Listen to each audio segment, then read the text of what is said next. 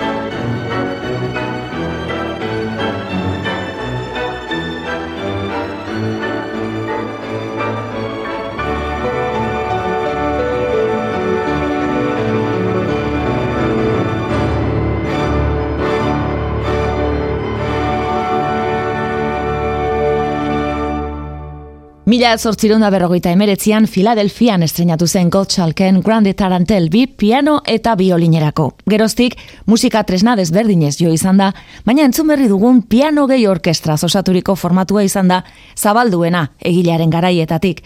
Gaur, Richard Rosenberg zuzendariaren gidaritzapean Michael Gurt piano jolearen eskutik entzun dugu. Lincoln garaian egungo rock izarren parekoa izan zen Gottschalk. Pianoaren virtuoso handi bat, ragtimaren aitita, eta munduko musiken haintzindari. Klasikoak eite ben. Musikaren historia desagertutako handiez beteta dago, eta bibaldi hil ondoren, Veneziako musikaren zuzia jaso zuen kompositoreari egingo diogu tarte orain. Baldazare Galupiren mi bemol maiorreko klabezinerako kontzertuaren irugarren mugimendua entzungo dugu Paduako Roberto Loregian maixuaren eskutik.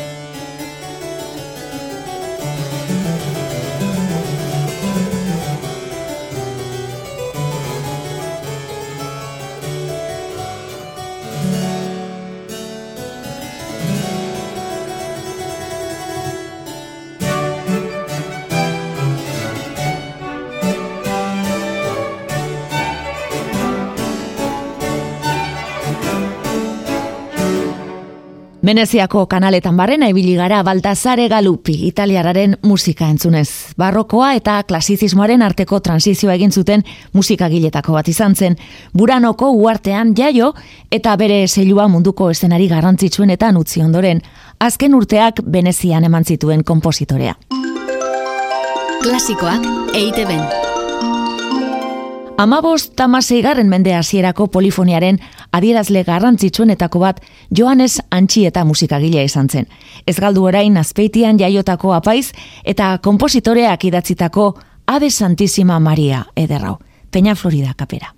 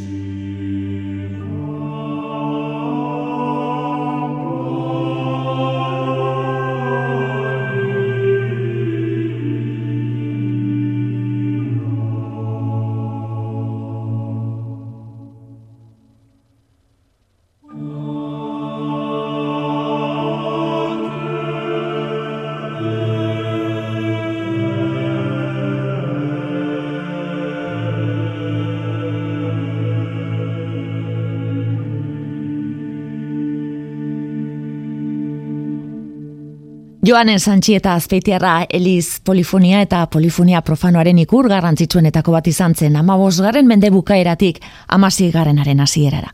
Abe Santísima Maria motetea genuen Loreto Fernandez imaz donostiarrak zuzenduriko kapila Peña Floridaren eskutik. Eta neoklasizismoaren garaietaraino gerturatuz, ia bosteun urteko jauzia egingo dugu orain.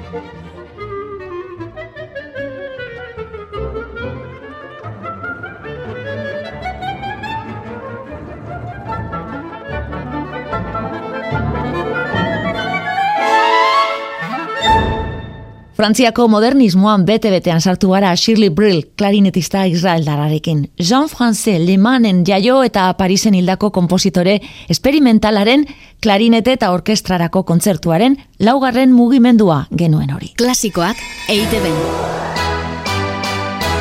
Biolin eta orkestra kontzertu bat jarraian. Hemen zortzigaren mende bukaerako Alemaniaragoa zorain.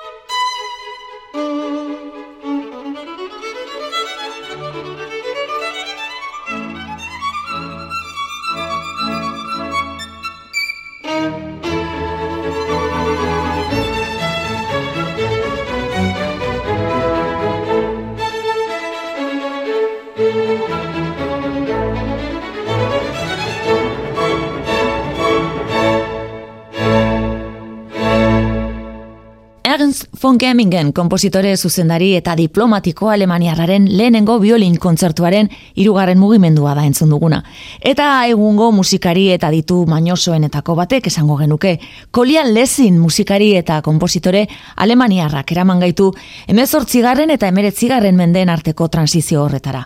Biolinarekin bezala pianoan ere ez inobi moldatzen da, eta musikari izugarrizko bultzadizoa eman dio gainera, barrokotik gure garaietara ikerkuntzan egin duen ekarpenarekin.